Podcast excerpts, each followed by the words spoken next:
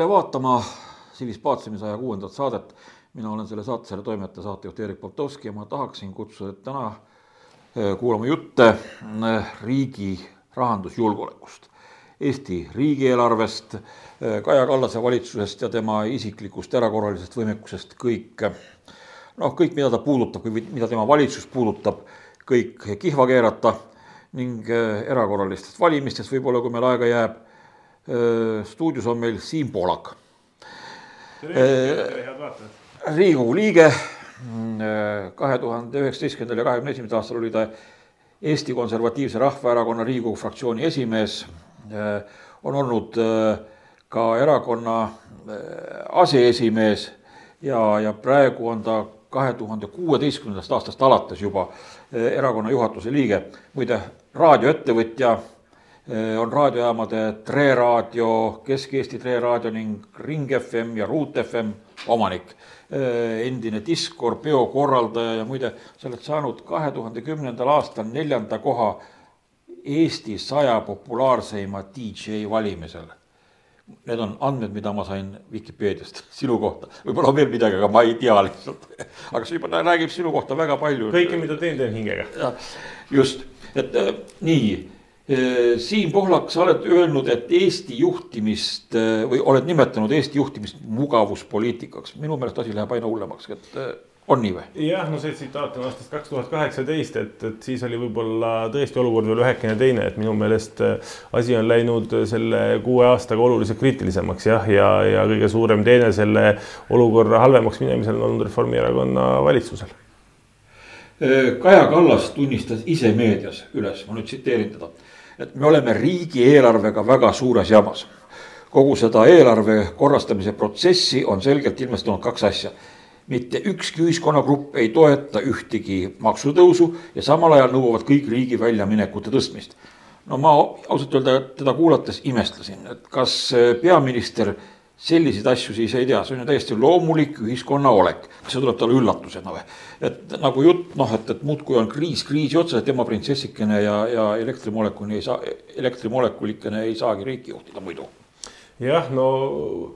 ma arvan, et tegelikult peaks ta väga tõsiselt kuulama neid Eesti inimeste poolt tulevaid signaale, et, et ega äh, rahva rahulolematus on ka erinev, et kui inimestel on majanduslikult raske ja keeruline, siis ka see rahulolematus tegelikult ju suureneb selgelt, et minu meelest see peaks olema vastupidi talle üks väga oluline maamärk, et, et midagi on valesti ja, ja niimoodi nagu nad viimased äh, kaks ja pool aastat, varsti juba kolm aastat on valitsenud, ei saa enam jätkata, et tegelikult ju kahe tuhande kahekümne esimesest aastast peale on Reformierakonna juhtimisel Eestis vaesus suurenenud märkimisväärselt, absoluutses vaesuses eh, olevate inimeste arv on suurenenud sisuliselt poole võrra. et, et, et see, see minu meelest on samamoodi julgeolekurisk täpselt samamoodi, et eh, kui inimesed võõranduvad oma riigist, siis eh, see pikas perspektiivis ei saa mitte midagi head meile tuua ja selline küüniline ja üleolev suhtumine rahvasse ja rahva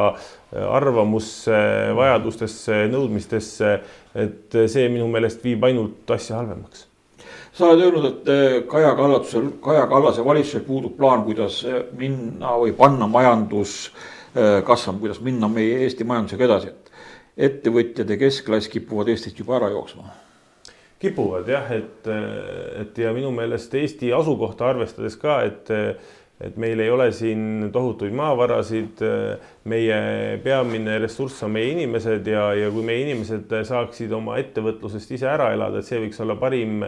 lahendus meie majanduse jaoks, et just nimelt väikeettevõtlus, pereettevõtlus, et inimesed tuleksid oma tööga toime ja saaksid siis eh, oma töö eest palga, millega ära elada, et, et minu meelest see peaks olema nagu meie piirkonnas eh, eelkõige majandusmudel. Et eh, praegusel juhul aga me liigume selle poole, kus suurkorporatsioonid, piirideülesed suured välismaised ettevõtted ostavad meie firmad kokku või siis võtavad lihtsalt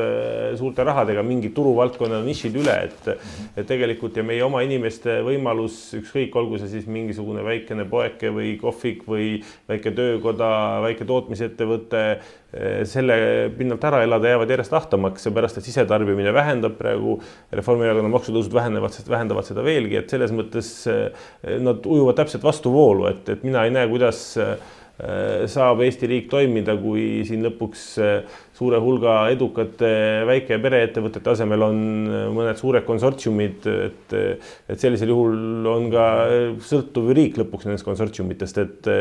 et riik muutub ka järjest enam sõltuvaks ja, ja nendel tekib võimalus poliitikat mõjutada järjest enam, et mina näen, et, et Reformierakond triivib täpselt vastassuunas sellele, mida Eestil tegelikult vaja oleks. oled sa jälginud ka majandusstatistikat, et kui tõsistesse probleemidesse siis meie väikeettevõtlus sattunud on, kui suur osa neist juba protsentuaalselt Äh, kasvõi äh, mingisugune noh, üldine number vasaku käe reegli järgi või, või ma ei tea, mis no, iganes. mina olen seda pilti näen eelkõige sellest, et uudiste pealkirjad jooksevad jälle, et see ettevõte sulges tegevuse, see koondas töötajaid ja kui vaadata tööturgu, siis aastaga on viisteist tuhat töötut juurde tulnud Eestis, viisteist tuhat töötut, töötute üldarv on praegu seal viiekümne tuhande juures. järelikult viisteist tuhat töökohta on ära kaotatud, et see peaks olema ikka väga märkimisväärne ohusignaal juba. ja, ja kui seda eirata ja, ja pannakse ikkagi samamoodi edasi peaga vastu seina, siis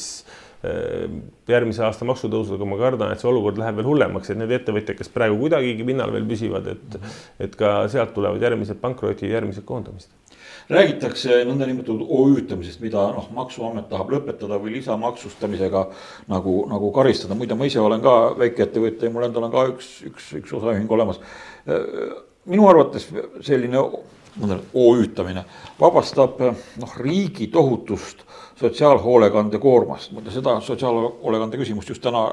arutatakse eh, Riigikogu ees, eks ole, siin ma kuulasin enne, kui me saade pihta hakkas, Helle-Moonika Helme ja, ja Jaak Valge kõnesid. Nad räägivad sellest, et, et, et me, meil eh, nagu sotsiaalhoolekandega on juba, on juba probleem, kui me nii-öelda OÜ-tamisega eh, või OÜ-tamised ka ära lõpetame lisamaksustamisega karistame, siis neid äh, vaeseid inimesi, kes supisabas on, kes abirahasid tulevad riigi käest küsima, praegu need inimesed saavad iseendaga hakkama, eks ole. Noh, võib-olla mõni tõesti seal natukene skeemitab maksudega ja nii edasi ja nii edasi. aga need on suhteliselt väikesed asjad, kui võrrelda sellega, et riik ei võta suurtelt pankadelt, kes, eks ole, Eestis tegutsevad suurettevõtetelt ei võta äh, makse mm. -hmm. nojah, see huvjutamine on äh, pandud sellisesse halba valgusesse see sõna, et, et mina arvan, et eh, väikeettevõtlust tuleks igati soosida, nagu ennem ka jutuks oli, et tegelikult eh, kui inimene elab oma ettevõttest ja selle tööst ära, siis seda peaks pigem soodustama ja, ja tegelikult tuleks, mina näen, et pigem Eestis tuleks kaaluda ja tõsiselt tegeleda sellega, et eh, hoopis näiteks tööjõumakse vähendada, et soodustadagi väikeettevõtete tegevust, et nagu ühes kõnes peaminister ütles, et Eesti ei ole enam odava tööjõumaa, aga Eesti võiks olla madalate tööjõumaksudega maa, see võiks olla meie konkurentsieelis mm, -hmm. see aitaks meie väikeettevõtlust ja maksust, maksude raskuskese tulekski suunata tegelikult suurpankade, välismaiste suurkorporatsioonide, suurkapitali peale, kes nagunii teenib kasumeid, et praegu meil pigistataksegi sellest ühe-kahe-kolme inimesega pereettevõttest viimast välja läbi tööjõumaksude. aga, aga tegelikult võiks olla vastupidi, et meil on tööjõumaksud madalad, see soosib ka ettevõtlusega alustamist, et tegelikult ju kui ettevõtja alustab, tuleb mingi uue teenuse, tootega turule mm, -hmm. siis tal esialgu ongi ju ainult kulud, tal on ainult kulud, aga ta peab maksma hakkama kohe ka täie rauaga tööjõumakse, kui ta võtab oma seal, teeb töökoja esimesed kaks töölist. kliente võib-olla veel vähe, kliendibaas alles tekib, aga ta maksab juba täie rauaga tööjõumakse. ehk siis loogiline oleks vastupidi, et tööjõumaksud on madalad, see soodustab ka ettevõtlusse sisenemist. hiljem, kui needsamad väiksed ettevõtted kasvavad suuremaks, hakkavad kasumit teenima, et siis nad näiteks maksaksid kasumi pealt hoopis mingisuguse protsendi seda maksu ja samamoodi praegu on niimoodi, et,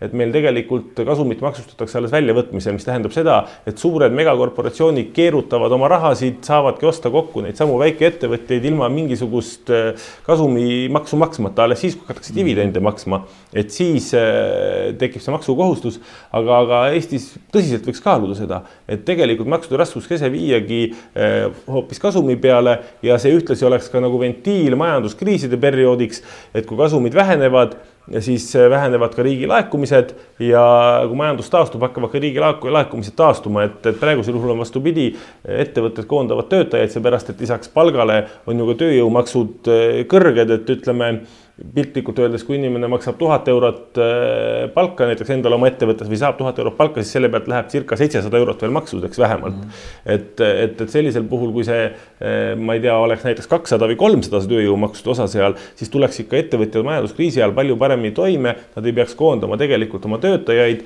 ja, ja majanduse taastumisel, kui taastuvad ka ettevõtete kasumid, tegelikult äh, oleks võimalik siis ka riigil taas lisatulu saada, ehk see oleks selline isereguleeruv mehhanism nagu ühendatud anumate süsteem, mis minu meelest Eestis võiks väga hästi töötada ja toetaks meie väikeettevõtlust kas sellised ametnikud, riigiametnikud, kes selliseid asju välja mõtlevad, et, et noh, et, et väikeettevõtteid hakata li, äh, lisamaksustamisega karistama. kas nad tegelevad noh, oma tegeliku töö asemel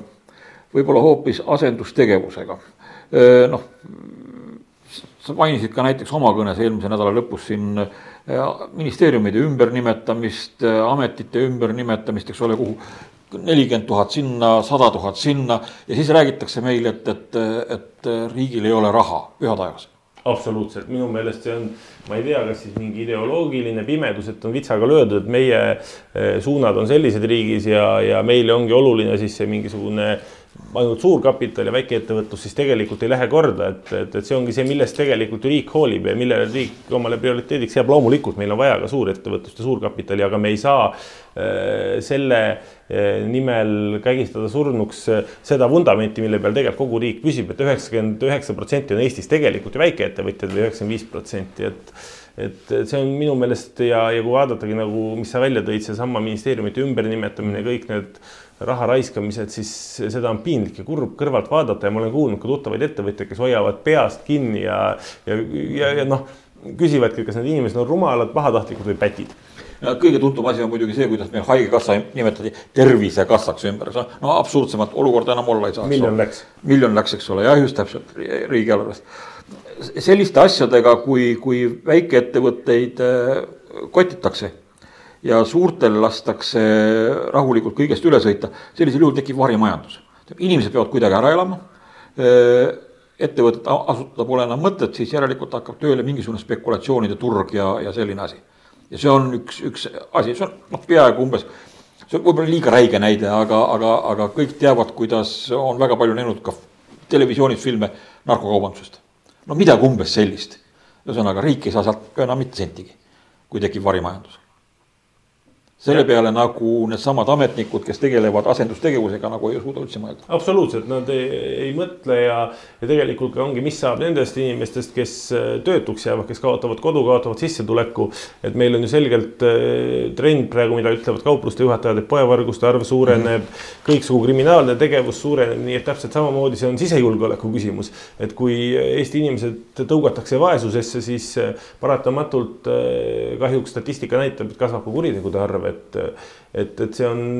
väga-väga tõsine teema ja minu meelest tuleks vastupidi, kõik ressursid praegu suunata sellesse, et hoida meie ettevõtlus pinnal, tekitada neile võimalikult palju eelist siis ka ekspordi mõttes naaberriikidega mhm. võrreldes, et veel kord tulen tagasi, et seesama madalate tööjõumaksude teema oleks ka eksportimisel väga suur eelis mm. -hmm. nii et, et siin tuleb asi tõsiselt käsile võtta, et, et kui Kaja Kallas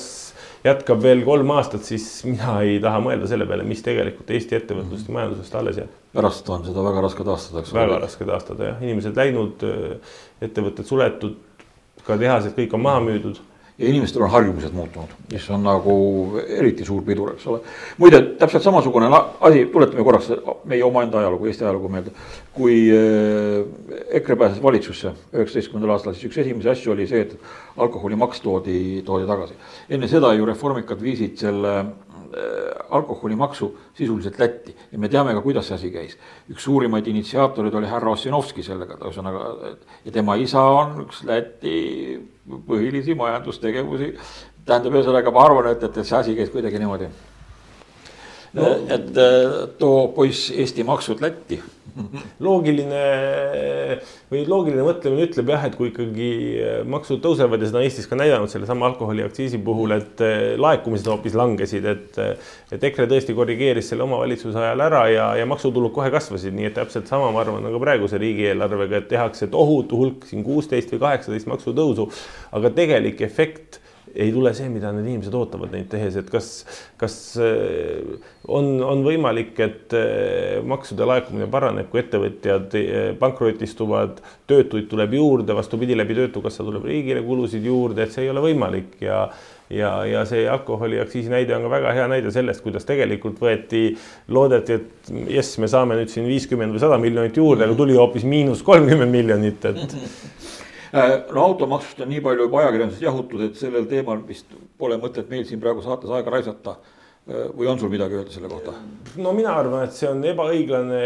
eriti maainimeste suhtes, kus auto on ikkagi absoluutselt vältimatu liikumisvahend kuskilt metsatalust või ka külast, kus bussiliiklust on kaks korda päevas. see on tegelikult nagu karistus maainimestele, et, et seda sellisel kujul kindlasti vastu võtta ei tohi. Äh, valitsus tahab äh, kahe tuhande kahekümne neljanda aasta riigieelarvet läbi suruda taas usaldushääletusega noh, isegi president Karis siin tegi vist suvel märkuse, et usaldushääletused on erakorralise olukorra jaoks, erakorralise olukorra jaoks. ja neid asju ei tohiks eh, parlament sedasi kuritarvitada, eks ole, või noh, parlamendi töös kuritarvitada. aga noh, rahvas kutsutab kajaka valitsuseks, et kajaka valitsus siis pukki jääks ja, ja refikad eh, oma rotitoiduahelaid, jälle rahvas, rahvas kutsuks edasi, ei katkeks, siis, siis noh, pannakse see asi usaldushääletusega kokku. noh, jälle rahvas nimetab Reformierakonda rotierakonnaks ja mis röövib ja, ja rotib kõike, mida saab ja keda kõike saab. kui, kui välja arvata, et ehk liberalistlik, kommunistlik raha laiali loopimine, millest me oleme siin ju praegu rääkinud, et et mida saab nüüd opositsioon teha selleks, et, et seda riigieelarvet Eh, kas siis ENPA-kumpa mõistlikuks kallutada või blokeerida. no praegu me oleme just samal ajal, kui see salvestus käib, on see menetlus saalis käimas, et äh, usaldushääletusi on tõesti terve suur hulk ja, ja me tulemust täna veel ei tea, et, et kuidas seal selle asjaga läheb, aga meie oleme igal juhul andmas oma maksimumi, me peame praegu kõnesid, võtame vaheaegu, võitleme nii-öelda lõpuni välja, et, et Reformierakond ei saaks seda väga halba eelarvet, maksutõusude eelarvet läbi suruda. et, et kallutamist me oleme üritanud teha, me tegime oma muudatusettepanekuid, seal oli suur-suur hulk väga sisulisi muudatusettepanekuid ja lisaks kui oli näha, et, et siin ikkagi mõistlikke kokkuleppeid ei tule, siis tegime ka suure hulga obstruktsioonilisi veel, et panna sisse eelarve seisma. ja, ja nüüd nad ongi siis otsustanud jah, et nüüd on erakorraline olukord ja tuleb usaldusega tulla, et, et mis minu meelest on väga ülepingutamine või üledimensioneerimine, et, et see ei ole mõistlik kui, kui palju sellest riigieelarvest äh, finants-, üritatakse finantseerida äh, noh, vaat siin jälle, et kui Reformierakond räägib kokkuhoiust, siis noh, tegelikult ju silmakirjatsevad või, või petavad valijaid. kui palju sellest äh, kahekümne neljanda aasta riigieelarves on selliseid punkte sees, kus, kus äh, finantseeritakse igasuguseid MTÜ-sid ja äh, rohe- ja kliimahulle ja, ja, ja noh, võõramaalastest sisserändajaid, me ei räägi sisserändajate puhul, ma ei räägi siin sõjapõgenikest. ma mõtlen siin majandusmigrantidest, kes, kes ei ole pagulased. Noh, igasugused siin abieluvõrdsustused ja, ja teist igasugust värvi seksuaalvähemused ja, ja, ja ärklejad, awakerid, eks ole, ja noh, Brüsseli suunistel niisugused sabarakud, koogutajad, tallelakkujad, öördajad Neid sünonüüme on palju. miljonid lähevad ikka. miljonid lähevad sinna. sada tuhat ühel real, seda pannakse väga hästi ka peitu, tänapäeva eelarve on väga äh, mitmekihiliseks aetud, et, et, et kasvõi sellesama abielu äh, Äh, võrdsuse nii-öelda homoabielu seadustamisega seotud kuludeks, et nüüd tehakse mingeid süsteeme ümber jälle, sajad tuhanded lähevad lihtsalt siin muuta mingit internetikeskkonda, et et ja, ja nendesse MTÜ-desse igale poole suunatakse seda raha ja, ja eks nad siis on valitsusele tänulikud ja, ja, ja sõimuvad koos valitsusega opositsiooni selle eest. ja äh, rahvas, ole hea, pleki kõik kinni, eks ole. jah, ja see on tegelikult ju Eesti rahva raha, mida sinna jagatakse. Äh, räägime sellest veel, et, et Tallinnas pannakse Kopli ajalooline tuletõrjekomando kinni. see Kopli komando, Päästeameti Kopli komando on vastu pidanud kõik riigikorrad, kõik, ka repressiivsed riigikorrad. ta pidas, loodi tsaari ajal, pidas eh, vastu esimese Eesti aja, kaks Saksa okupatsiooni esimese maailmasõja ajal ja, ja teise maailmasõja ajal, pidas vastu Stalini aja,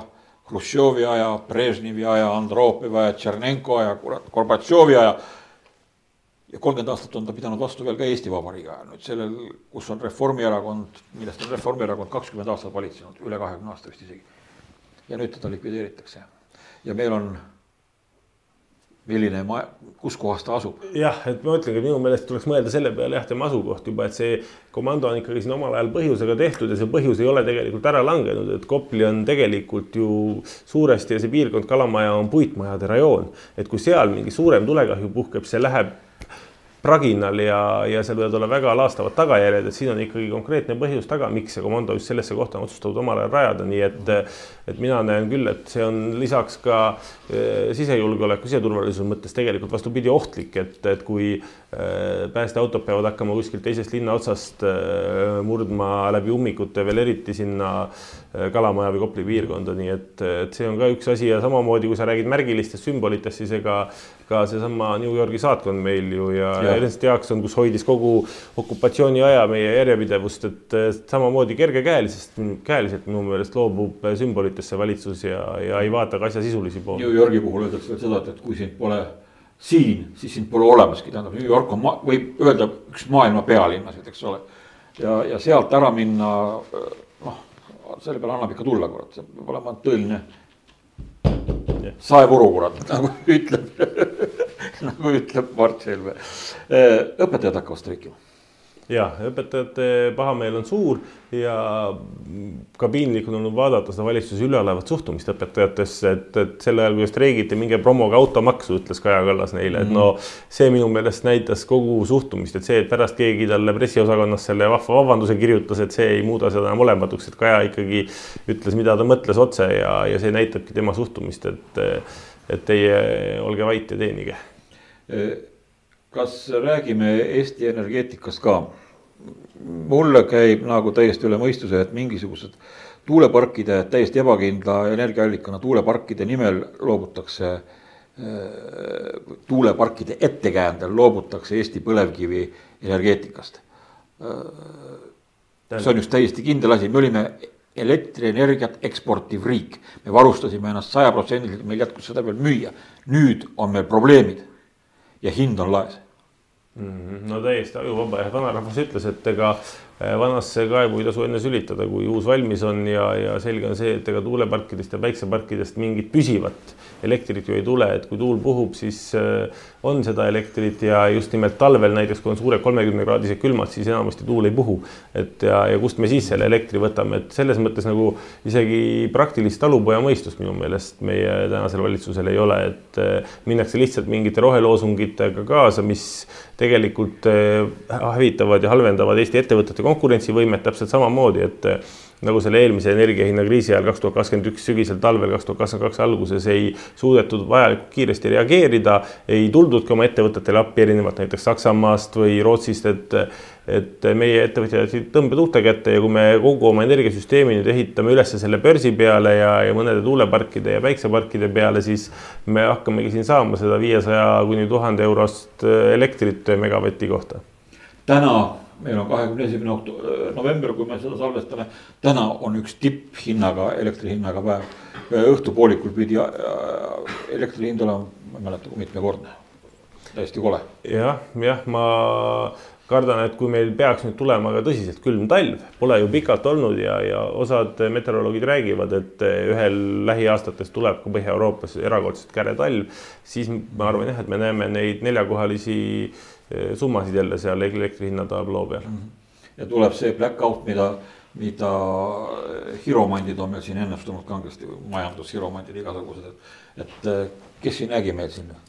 Eh, sellest oli isegi ajalehes juttu, et, et tuleb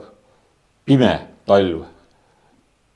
no ega seda jah, loodame, et ei tule, aga, aga põhimõtteliselt küll, ega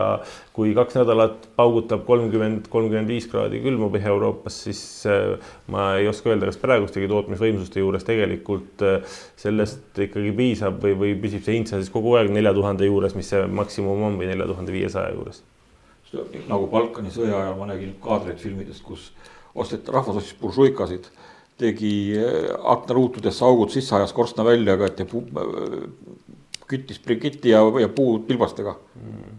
elektriraadikat ei kannatanud sisse lükata või noh, ei olnudki teinekord seal elektrit. hästi, äh, Euroopa Liidus surutakse,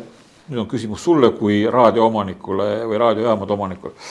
Euroopa Liidus surutakse trahvide ähvardusel peale igasuguseid ärklemisi, konkreetselt siis Eestile näiteks vihakõneseadust. Sina kui ringhäälingu ettevõtja, kuidas sa, sina asjale vaatad, mida sa nüüd siin, milliseid ohte sa näed?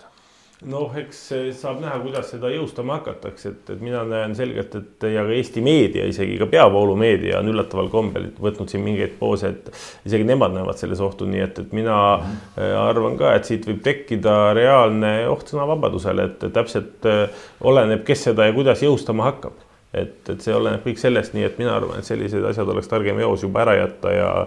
ja, ja, ja hoiduda probleemidest, et, et see võib lõpuks osutuda ohuks Eesti demokraatiale. Kõik algab vähesest ja, ja ükskõik, mida ka praegu ei räägita, eks ole, seda seadust rakendatakse kindlasti leftistliku sellise vasakpoolse progressistliku tsensuuri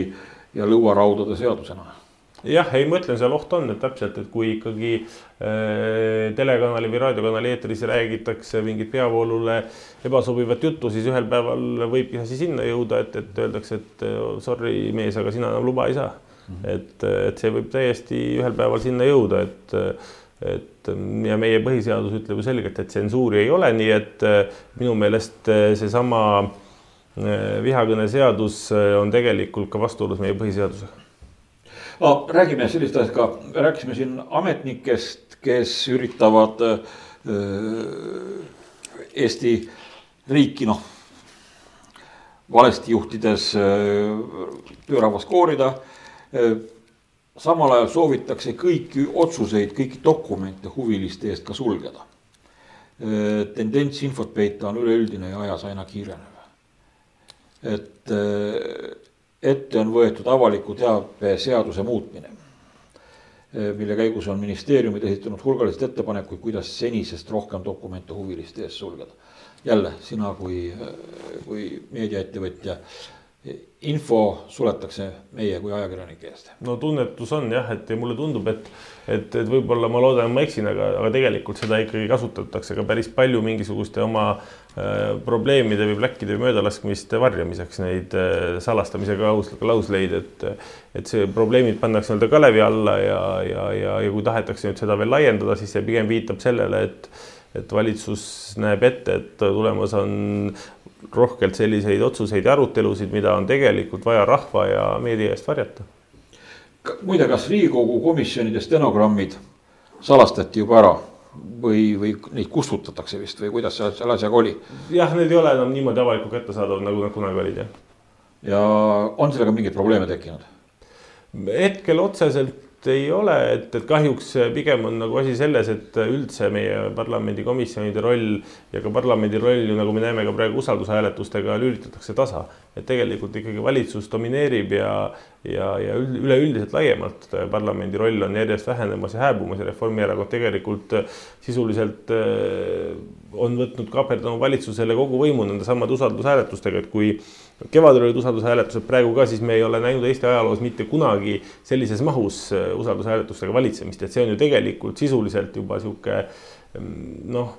parlamendist möödaminek, et tegelikult sellele, mis seal komisjonides tehakse ja ka suures saalis lõpuks enam ei olegi mingit tähtsust, kui piisab ainult sellest, et kas on usaldus valitsusele või ei, et see on tegelikult ju on meil siis parlamendi käest see valitsemine kaaperdatud ära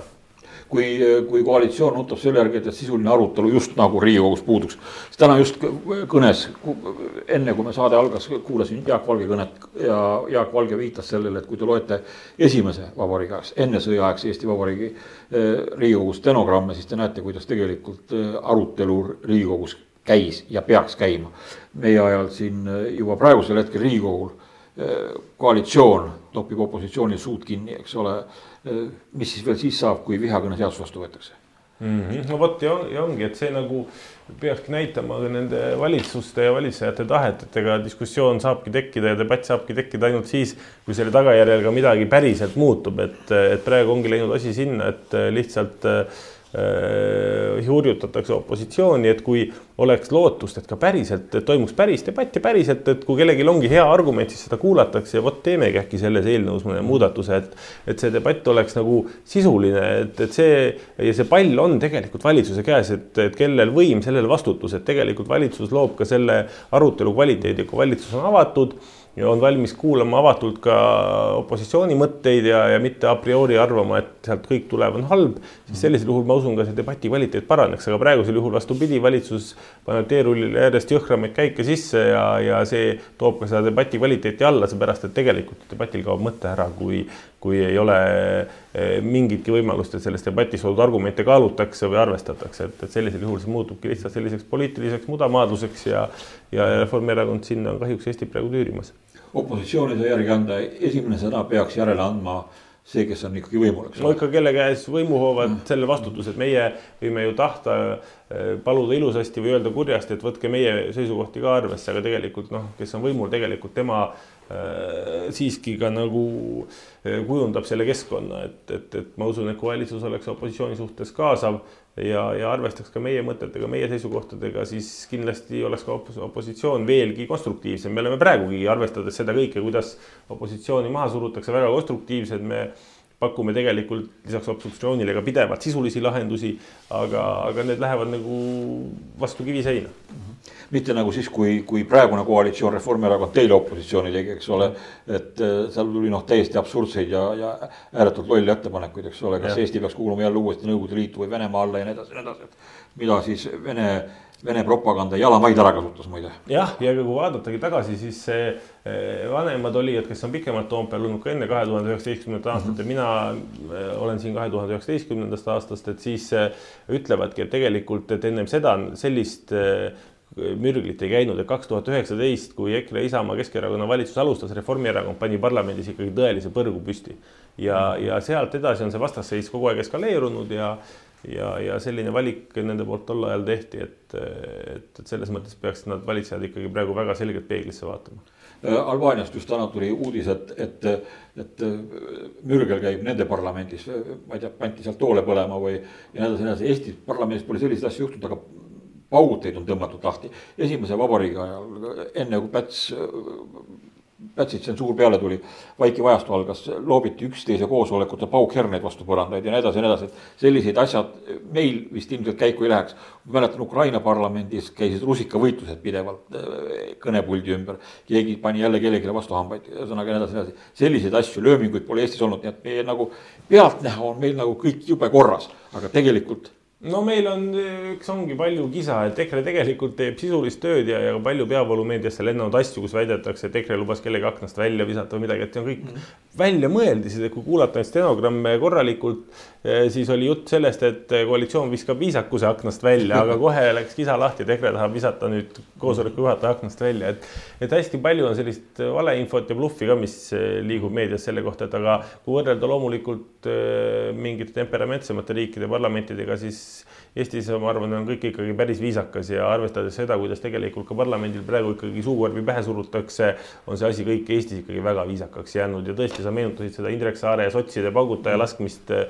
kus ta keeras selle ühekordse detonaatori või mingisuguse asja lahti seal, lõi neid litreid saali täis, et, et, et siis jah, tegelikult on pigem liberaalsed erakonnad olnud need, kes nagu päriselt on parlamendikultuuri kahjustanud ja rikkunud, jah. kas Eesti vajab erakorralisi valimisi?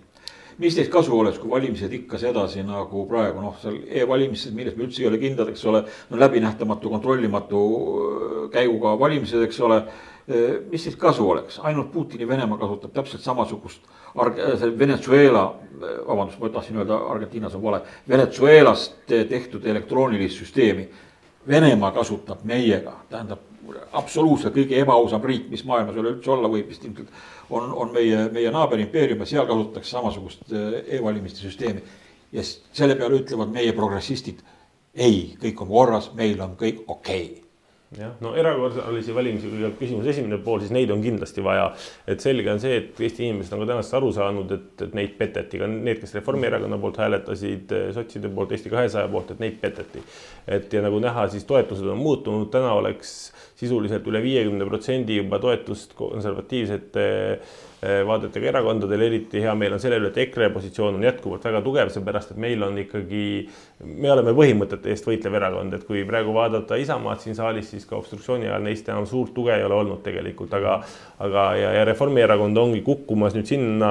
kus ta õige koht on ehk mudaliigasse, et selles mõttes oleks tegelikult erakorralisi valimisi praegu kiiresti vaja, aga teine pool, et need e-valimised siis jah, et see on suur probleem ja, ja, ja minu meelest, kui kõiges muus kogu aeg siin kisatakse mingisugust äh, Venemaa juttu ka EKRE suunas äh, valitsuse poolt, siis see on hoopis koht, kus tuleks peeglisse vaadata valitsusel, et te oletegi Venemaa ja Venezuelaga ühes paadis ja ja see e-hääletuse asi tegelikult minu hinnangul on ikkagi ka põhiseadusega vastuolus, et valimised on ühetaolised ja toimuvad ikkagi ühel päeval. no nüüd räägitakse lausa M-valimistest, ma ei tea, mis ropus see iganes ka ei tähendaks seda pole küll veel seadustatud, aga sinna alla topib valitsus üks miljon kakssada nelikümmend tuhat eurot ja kaebleb siis, et raha ei jätku. kas järgmisena korraldame me B-valimised või täpevalimised või ma ei tea, mis jah, see on jälle üks äh, näide sigadustest sellest, kuidas oma võimu üritatakse kindlustada tegelikult, et, et ka kusjuures mitmed täiesti erapooletud eksperdid on öelnud, et, et kui nad neid e-valimisi veel kuidagi nagu mõistavad, siis need mobiilvalimised on täiesti turvariski mõttes täiesti kontrollimatud, et see on noh, täitsa hull, mis siis juhtuma võib hakata, et mobiiltelefonidesse pidevalt on paha vara, mis võtab üle neid telefone ja juhtub mingisuguseid Äh, probleeme, lisaks oma hääle kontrollimine, kuidas sa kontrollid seda, kui sul on üks seade mobiil, millega sa hääletad, sa pead oma teise mobiili hankima, et oma häält kontrollida, et, et seda, siin näevad ka eksperdid suurt probleemi ja. kust need ideed üldse tekivad? kust nad tulevad, kas need tulevad äh, noh, väike riik, me ei, ei, ei suuda muidugi välisele propagandale vastu pidada ja meie enda arvatavasti riigi sees on kusagil mingisugune juhtimiskeskus, ma arvan, et see on seotud Reformierakonnaga, süvariigiga kuidagi. kust niisuguseid ideesid lansseeritakse, kust see välja tuleb, kust tuli see e-valimiste süsteem juba nüüd, nüüd siis M-valimised, eks ole. mulle tundubki, et võib-olla meie lihtsameelsetele poliitikutele siis müüaksegi maha neid mõtteid, et te olete progressiivne riik ja siis mm -hmm. kiida lolli, loll hüppab, et Reformierakonna mhm. valitsus siis järjest enam äh, nende eksperimentidega kaasa läheb, sest selge on see, et need on ju eksperimendid, mida Eesti rahva peal tegelikult tehakse, me oleme väike riik, siin on hea katsetada igasuguste erinevate asjade mõjusid. seda tehti juba Nõukogude ajal Nõukogude riigis. jah, ja täpselt Euroopa Liidus tehakse samamoodi ja, ja, ja meie Äh, liberaal, liberaale kiidetakse, need muudkui hüppavad, et, et ja, ja ma arvan, et ka see M-valimised on tegelikult ühe, mõne sellise arutelu tulem, et, et aga eesmärk on lihtsalt katsetada testida Eesti peale ära ja ühel hetkel hakata laiendama neid asju üle Euroopa Liidu. äkki peaksime Euroopa Liitu muutma hakkama? Välja me sealt muidugi ei saa astuda ja. rahvusriikide liitu on meil vaja. või siis Eesti, Euroopa Majandusühendus, nii nagu tema algne mõte üldse ja. oligi, eks ole jah, jah, absoluutselt, et Rahvusriikide Liit koos Majandusühendusega on nagu -hmm. ilmselgelt parem mudel, et, et liit riigi poole me ei tohiks lasta sellel asjal minna. Aitäh, Siim Pohlak, et tulid saatesse, me vist saime oma teemadele ringi peale tehtud. saade tuli küll natukene lühem, kui meil tavaliselt on, aga me rääkisime väga kiiresti tulistasime lausa kuulipildes veel kord aitäh, et tulid. meie teiega kohtume taas nädala või kahe pärast, siis kui tekivad uued teemad taas ja seniks teile kõike head mina olen selle saate, selle toimetaja, saatejuht Eerik Potovski.